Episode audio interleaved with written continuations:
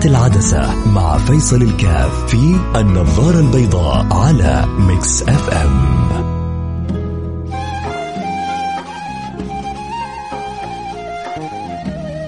بسم الله الرحمن الرحيم. الحمد لله والصلاة والسلام على رسول الله وعلى آله وصحبه ومن والاه. حياكم الله أحبتي في برنامج النظارة البيضاء. وحنتكلم اليوم عن القلب وحنتكلم عن بعض المداخل اللي بيحاول الشيطان يلعب فيها على الإنسان من خلال دخوله على القلب لأنه كلنا يعرف أنه القلب هو الملك بالنسبة لسائر الجسد. آه، الباقي جنود الأعضاء جنود والقلب هو الملك. فإذا استطاع الشيطان أن يصل إلى هذا القلب ويلعب ويتحكم به استطاع أن يؤثر على سائر الأعضاء.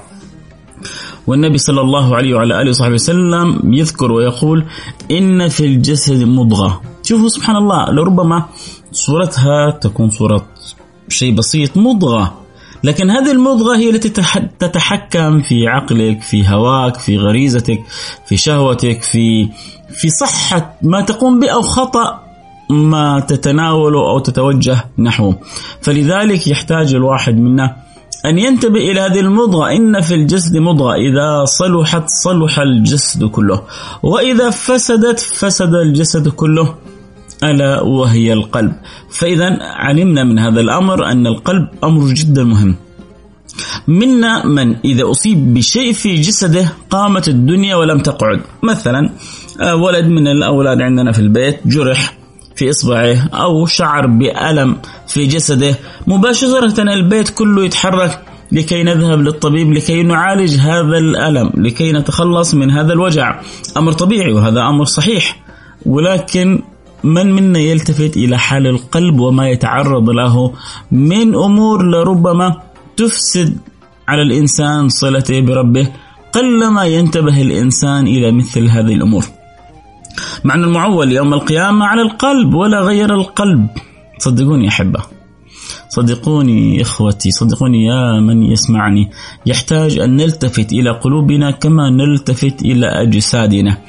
أحيانا بعضنا يحب يطالع في المرايه كثير. يشوف البطن زايدة ولا ناقصة؟ الكرشة ما شاء الله.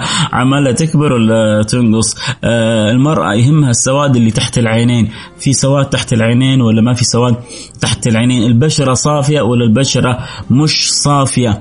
فبنمعن النظر في المرايا وبنحب نسمع الثناء على أجسادنا وأشكالنا من الناس وبنحب نكون بأحسن حال. وهذا شيء آه، خصوصا إذا نوى الإنسان التجمل لله إن الله جميل يحب الجمال. نوى نوايا الطيبة فهذا أمر طيب. لكن الأطيب أن يكون مثل هذا الالتفات إلى ما يتعلق بالجسد أن يكون عندنا التفات إلى القلب.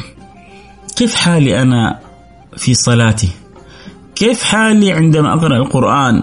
آه يا ترى قلبي هو ذلك القلب اللي أنا حأسعد عندما أقف بين يدي المولى سبحانه وتعالى وحكون والله أقول الله الحمد لله اللي وفقني إلى أن يكون قلبي ذلك القلب السليم. خصوصا أن كلنا بيعرف أن يوم القيامة لا ينفع مال ولا بنون إلا من أتى الله بقلب سليم. والنبي صلى الله عليه وعلى آله وصحبه وسلم بيقول لنا إن الله لا ينظر إلى صوركم ولا إلى أجسادكم. وإحنا أوقات كثيرة بنمضيها في النظر في هذا الجسد. مستعدين نسوي دايت مستعدين نمنع نفسنا من طعام نمنع نفسنا من شراب نحاول نجتهد في أمور كثيرة عشان نبغى الجسم. ما شاء الله تبارك الله. والله بيقول لك أنا لا بنظر لا لجسدك ولا لصورتك ولكن بنظر إلى قلبك. إن الله لا ينظر إلى صوركم ولا إلى أجسادكم ولكن ينظر إلى قلوبكم. فيا ترى بنجتهد إنه نجهز القلب لهذا النظر ولهذه الرؤية كما نهتم بأجسادنا جدا مهم يا سادتي. هذا اللي نحتاج نتذاكره فيما بين البين هذا الكلام اللي حينفعنا في الدنيا. وحيسعدنا في الآخرة. خذوها من أخوكم. يا جماعة يا أحبة لابد من الالتفات للقلب. لابد من تزكية القلب. لابد من تطهير القلب. لابد من تنوير القلب. وما ينفع بعدين نندم ونقول أوه يا ريت ويا ليت.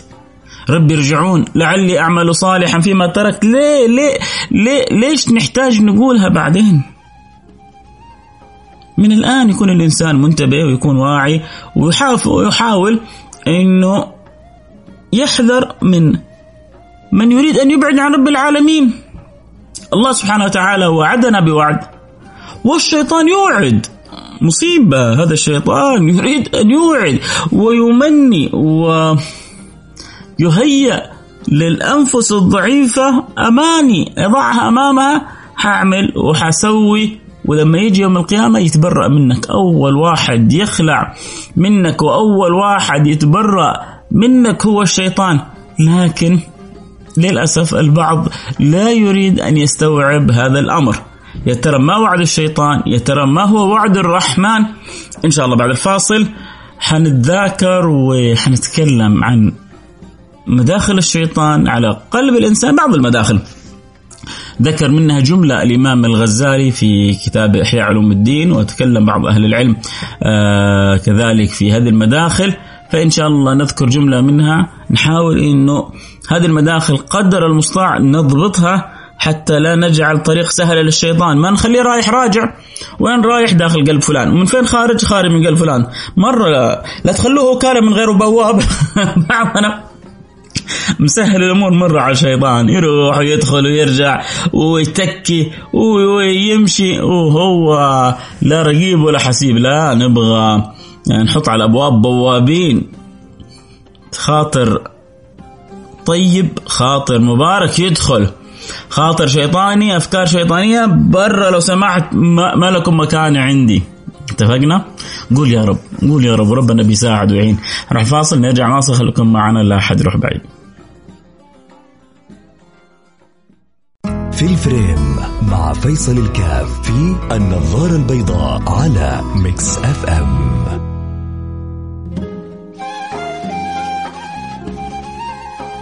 حياكم الله أحبتي وما زال الحديث متواصل عن القلب وكيفيه إغلاق الأبواب وعدم وعدم السماح للشيطان الدخول من الأبواب التي توصل الشيطان للقلب، كيف نجعل على كل باب بواب؟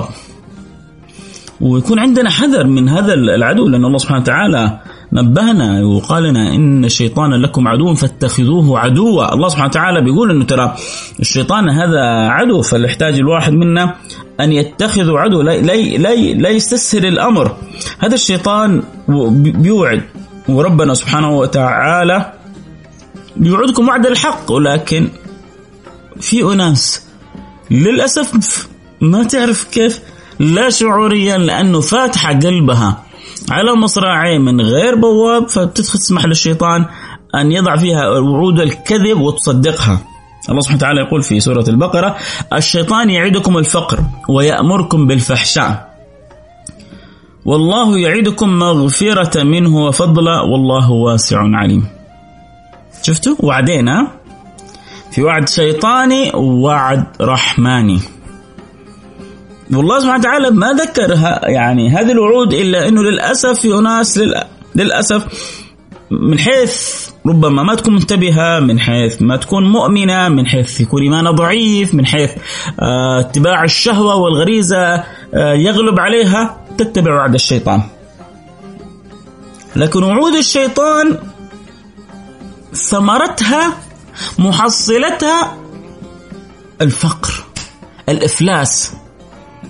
صورها ودلالاتها مربوطة بالفحشاء. فوعود الشيطان مآلها إلى الخسار صورتها حقيقتها متصلة بالفحشاء. الشيطان يعدكم الفقر ويأمركم بالفحشاء.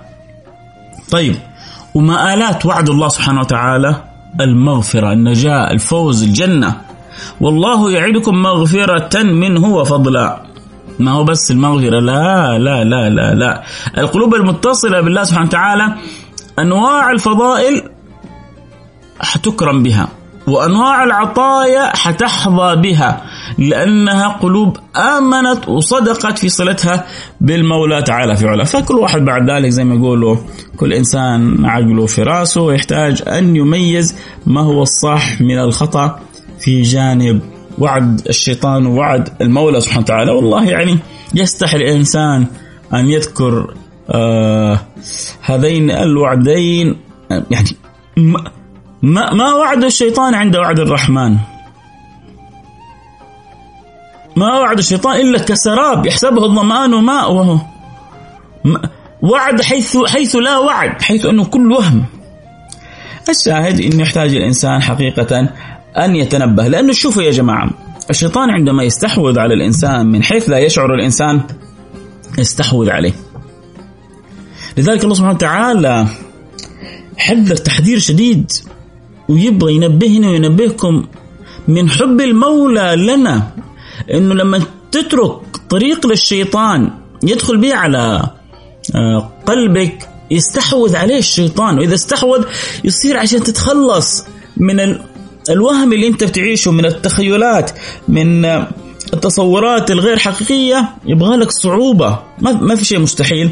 لكن حقيقة حتواجه صعوبة لأنه حيصير الشيطان مستحوذ عليك استحوذ عليهم الشيطان فإيش كانت الثمرة؟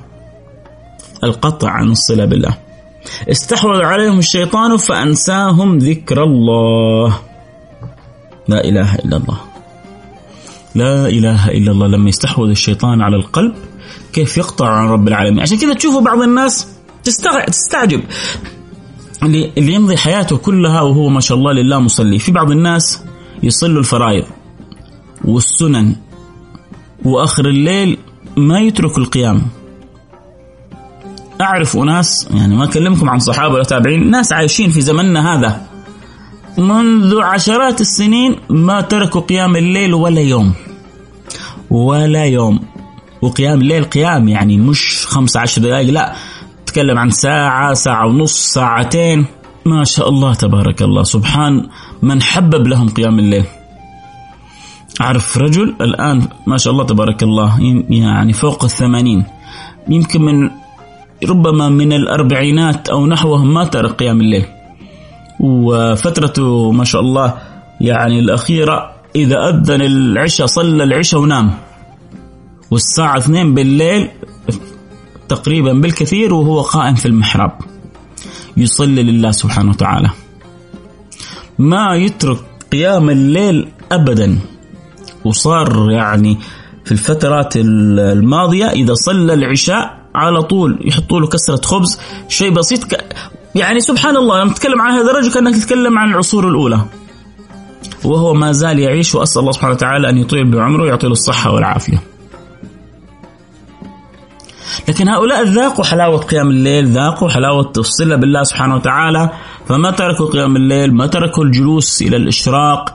ما تكلمهم عن الفرائض هؤلاء عن الفرائض هؤلاء. هؤلاء تجاوزوا مسألة الفرائض الصلوات الواجبة. هم الآن لو نقص شيء من السنة يتصارعوا مع أنفسهم. هؤلاء لو تجي تكلمهم أنه في ناس يضيعوا الصلوات يستحجبوا. معقول في أحد يضيع الفرائض؟ معقول في أحد يضيع صلاة الظهر صلاة العصر مصيبة كبيرة. هم ما يت... لأن هم الشيطان ما قدر يوصل لهم يستحوذ عليهم. حاول قد يكون مرة أخطأوا مرة أذنبوا آه نزوة عابرة خطأ آه يمر في الطريق. لكن الذين يسلموا نفسهم للشيطان سادتي. من حيث لا يشعرون الشيطان يستحوذ على القلب. شوف كلمة استحوذ الله سبحانه وتعالى يا أخي القرآن والله هذا عظيم. ألفاظ عظيمة. الله يعني يعجز اللسان حقيقة أن أن يصف ولو شيء من وصف القرآن. شوف كلمة استحوذ أعظم ما يوصف به القلب الذي يلعب به الشيطان. خلاص كأنه مملوك للشيطان من حيث لا يشعر. استحوذ عليهم الشيطان. فأنساهم ذكر الله. فلذلك تكلم بعض الشباب عن الصلاة. صدقوني أنت تكلمهم عن الصلاة وهو في قلبه يا عمي فكنا. يا أخي خارجنا يا أخي ما ما هو شغلك. هو ترى غلبان مسكين الشيطان الشيطان مستحوذ عليه فاصل الكهرباء عنه. أنت تكلمه في حاجة وهو الكهرباء مفصولة عنه. عشان كذا تحتاج تدعي له كثير. تحاول تدخل له الخير كثير أه تحاول تجعله يستنشق هواء صحي أه يذكر ربه بطريقة صحية يعيش حياة مختلفة لأنه الهواء اللي بيتنفسه خلاص هو شيطاني. نسأل الله السلامة والعافية. استحوذ. هذا مو كلامي. هذا كلام المولى سبحانه وتعالى كما جاء في سورة المجادلة. استحوذ عليهم الشيطان فأنساهم ذكر الله. الشاهد يا أحبتي أن القلب هذا إذا صلح مثل ما قال النبي صلح الجسد كله. وإذا فسد فسد الجسد كله. وهذا القلب هو محل نظر الرب سبحانه وتعالى. عشان كذا حنتكلم على عجالة إن شاء الله. بعد فاصل على بعض المداخل اللي بيدخل فيها. الشيطان على الإنسان أسأل الله سبحانه وتعالى أن يحفظ قلوبنا من ذلك العدو اللي أمرنا سبحانه وتعالى الله سبحانه وتعالى أن نتخذه عدوا. فاصل ونرجع نواصل. في ال frame مع فيصل الكاف في النظارة البيضاء على Mix FM حياكم الله أحبتي رجعنا لكم مازال حديث متواصل عن القلب وكيف ينبغي أن يصان وأن يحرس حتى لا يستحوذ عليه الشيطان. وعشان ما يستحوذ على الشيطان لابد أن نغلق المنافذ التي منها يدخل الشيطان للقلب. هو في البداية يبدأ يسوي زيارات. لما يدخل في زيارات على في القلب الأشياء الطيبة يزيحها الوزراء الكويسين يبعدهم الجنود الطيبين يتخلص منهم لين يستحوذ على القلب وخلاص يبدأ بعدين يقطعك عن الرب سبحانه وتعالى فللشيطان مداخل كثيرة يحتاج للمؤمن أن يجتهد في سدها. من أعظم الأبواب التي يدخل فيها الشيطان على الإنسان بابين جدا مهمة وهي باب الشهوة وباب الغضب. فالغضب هو غول العقل وإذا ضعف جند العقل هجم جند الشيطان. الإنسان عندما يضعف تحكمه في إدراكه يحاول الشيطان أن يضعف تسلط أو قيادة العقل لهذا القلب. فإذا خرج الإنسان عن طوره وعن عقله وعن إدراكه صار الغضب يتحول فيه إلى أداة قاتلة. يتصرف تصرف جنوني. الزوجة ممكن يطلقها. الأب ممكن يعقه. الأم ممكن يسيء الأدب معها. الأولاد يربيهم تربية خاطئة. الجيران يتجرأ عليهم. الموظفين أو زملاء في العمل ربما يسيء لهم أو يعتدي عليهم. ليه؟ لأنه استطاع الشيطان أن يفصل يعني فيش الكهرباء ما بين العقل والقلب فخلاه دائما غضبه يستولي عليه. ولذلك لما جاء رجل النبي صلى الله عليه وسلم وقال له يا رسول الله أوصني.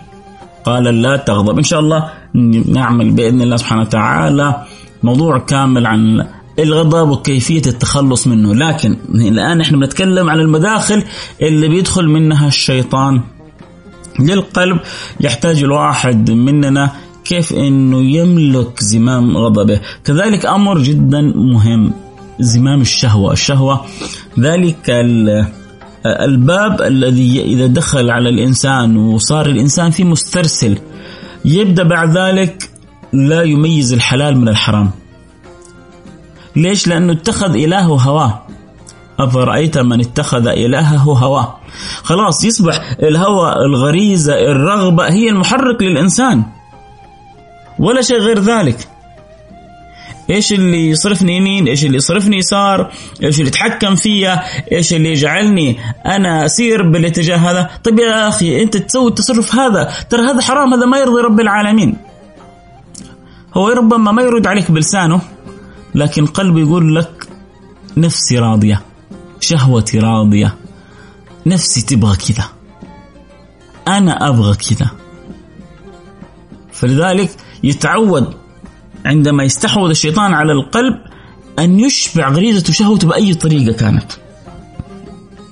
ولذلك يحتاج الإنسان قدر المستطاع أن ينتبه من أمر هذه الشهوة وكيفية ضبطها. ضبطها طبعا برضو يعني يبغى تفصيل طويل. أنا بس بعطيك بعض المداخل. أما الكلام عن ضبطها يبغى له حلقة كاملة كيفية إيجاد الحلال الذي يغني الإنسان عن الحرام كيفيه معرفة عواقب بعض الأمور. يعني في أشياء والله إنسان يبغى يتصل بمراه عنده غريزة. أب أب أب أبغى امرأة. عندي غريزة في داخلي أنا بشر. ففي لها حل. بدل ما إنسان يتجه حرام ممكن يتزوج ويخرج غريزته ويخرج طاقته بالحلال.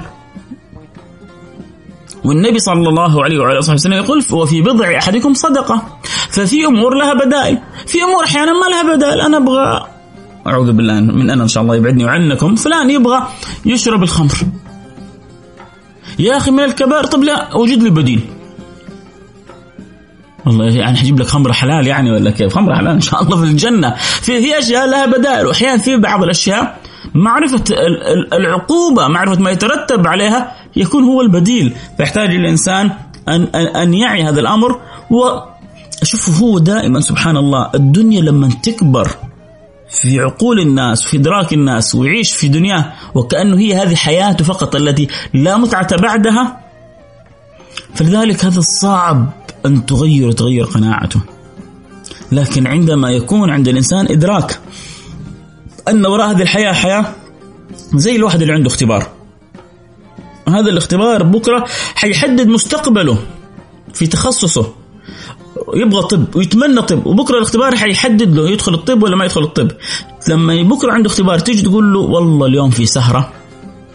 لا اليوم لا أوديك مكان في حياتك. يقول لك يا عمي فاضي أنا؟ لأنه عنده شعور إنه في وراء صبر ومتعة بيصبر.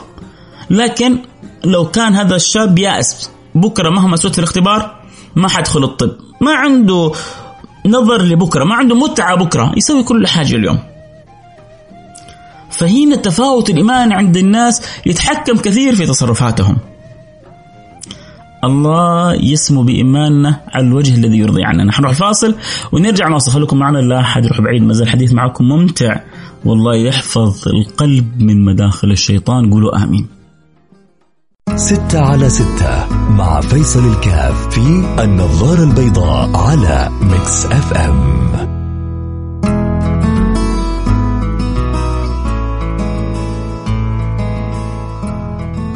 حياكم الله أحبتي رجعنا لكم وما زال حديث ممتع معاكم. وحلقتنا اليوم كانت عن القلب والأبواب التي يدخل منها الشيطان وكيف نجعل على الأبواب بواب. والشيطان حيحاول لكن هذا الشيطان ضعيف وهزيل. إن كيد الشيطان كان ضعيفا. لكن هذا الضعيف لما يحصل الباب يقول لك المال السايب يعلم السرقة. المال السايب يعلم السرقة والباب اللي من غير بواب يدخله حتى الحرامي. والشيطان حرامي. ولما نترك أبوابنا من غير بواب رقيب وحسيب عليها بيلعب بين الشيطان. ولما يدخل يتعود أنه يلعب يستحوذ على القلب. استحوذ عليهم الشيطان فأنساهم ذكر الله. وإذا استحوذ عاد آه، إيش اللي يخلص لك وإيش اللي يفكك. وذكرنا بعض المداخل بيدخل منها الشيطان. على الإنسان. قلنا منها الغضب وكيف الانسان ينبغي أن يحذر منه وكيف وصية النبي. ذكرنا الشهوة وكيف ينبغي للإنسان أن يتنبه منها وأن يضبطها. وذكرنا كذلك أو سوف نذكر من الأبواب كذلك الحسد الحرص في غير محله. فدائما الحرص المتعلق بأمور الدنيا وكأن الدنيا هي نهاية الكون نهاية العالم يجعل الإنسان يتمادى في فعل الخطأ. كذلك من طبعا أما الحسد سبحان الله هذا الحسد كم أضر قلوب وكم سود قلوب. بتحسد الناس على إيش يا جماعة؟ واحد ركب سيارة حلوة قمنا حسدناه. واحد اشترى بيت طيب قمنا حسدناه. واحد فوق بدراسة قمنا حسدناه. جالسين نحسد بعضنا البعض على أشياء ما تسوى. النبي صلى الله عليه وسلم يعني حب يعلم الناس يقول اذا أحد يبغى يحسد الشيء اللي, اللي يستحق أن يحسد عليه الإنسان وهنا ينبغي أن يكون حسد محمود. إنك تتمنى تصير زيه مع عدم زوال النعمة عنه. لا حسد إلا في اثنتين. رجل أعطاه الله علم ورجل أتاه الله مال فهو ينفقه في الخير. واحد يطلع الله علم يعلم به الناس واحد عنده مال ينفقه في الخير. هذا يعني الذي يحسد ويسمى الغبطة المحمودة. لكن إحنا على أبسط الأشياء بنتحاسد. نسأل الله السلامة والعافية. في المقابل إحنا كذلك ما بنتحصن. النبي أعطانا أوراد تحصينات وأعطانا أوراد للحفظ وأعطانا أوراد يحمي الإنسان بها نفسه من كثير من الشرور. ما بنقرأ وبعدين بنشتكي وبنصيح وبنبكي. نسأل الله السلامة والعافية. كذلك من الأبواب المهمة اللي نسأل الله سبحانه وتعالى الآن مع كثرة الحمد لله ما نعيشه من راحة ومن آه نعيم. تتزايد علينا هذه الأبواب من حيث لا نشعر كثرة الشبع، النبي صلى الله عليه وسلم يقول ما ملأ ابن آدم ما ملأ ابن آدم كلام حبيبكم محمد ما ملأ ابن آدم وعاء شرا من بطنه. ما ملأ ما ملأ ابن آدم وعاء شرا من بطنه. هذا البطن عندما تمتلئ فأنت ملئت شر وعاء. وسبحان الله يقولون إذا جاعت البطن شبعت الجوارح. وإذا شبعت البطن جاعت الجوارح.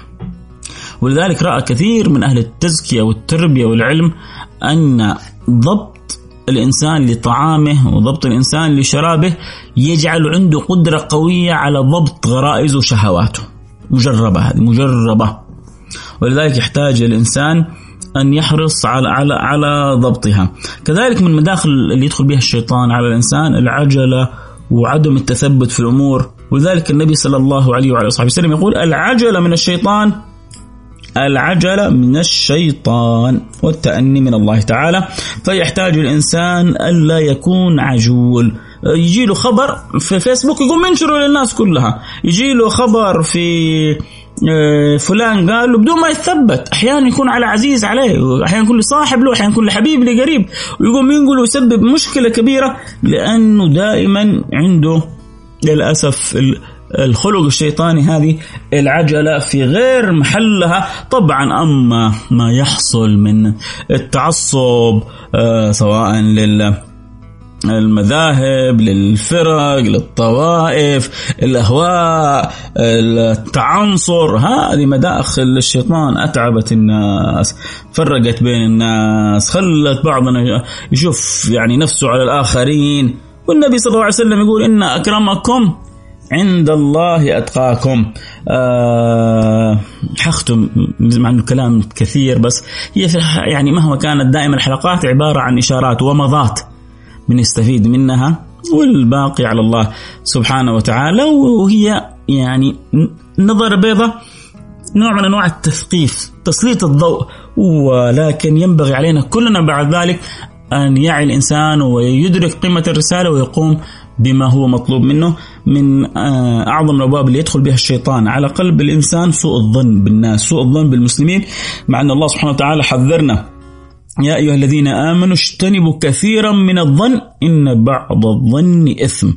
نسأل الله سبحانه وتعالى أن يحفظنا ويحفظ قلوبنا وجوارحنا من كل ما لا يرضاه المولى سبحانه وتعالى يجعلنا كما يحب ويرضى. اللهم آمين. يا رب العالمين سعيد جدا بالأوقات اللي اكرمت بها معكم. أسأل الله سبحانه وتعالى أن يجعل فيها الفائدة. أسأل الله أن يحفظ قلوبنا من كل سوء ومن كل مكروه. أسأل الله سبحانه وتعالى أن يعيننا. إحنا ضعاف بنفسنا لكن بالله اقوياء فالله يعيننا ويأخذ بيدنا وينظر إلينا ولا يجعل الشيطان علينا تمكين. اللهم آمين. يا رب العالمين. قولوا آمين. نلتقي على خير. السلام عليكم ورحمة الله وبركاته. كنت معكم محبكم فيصل كاف.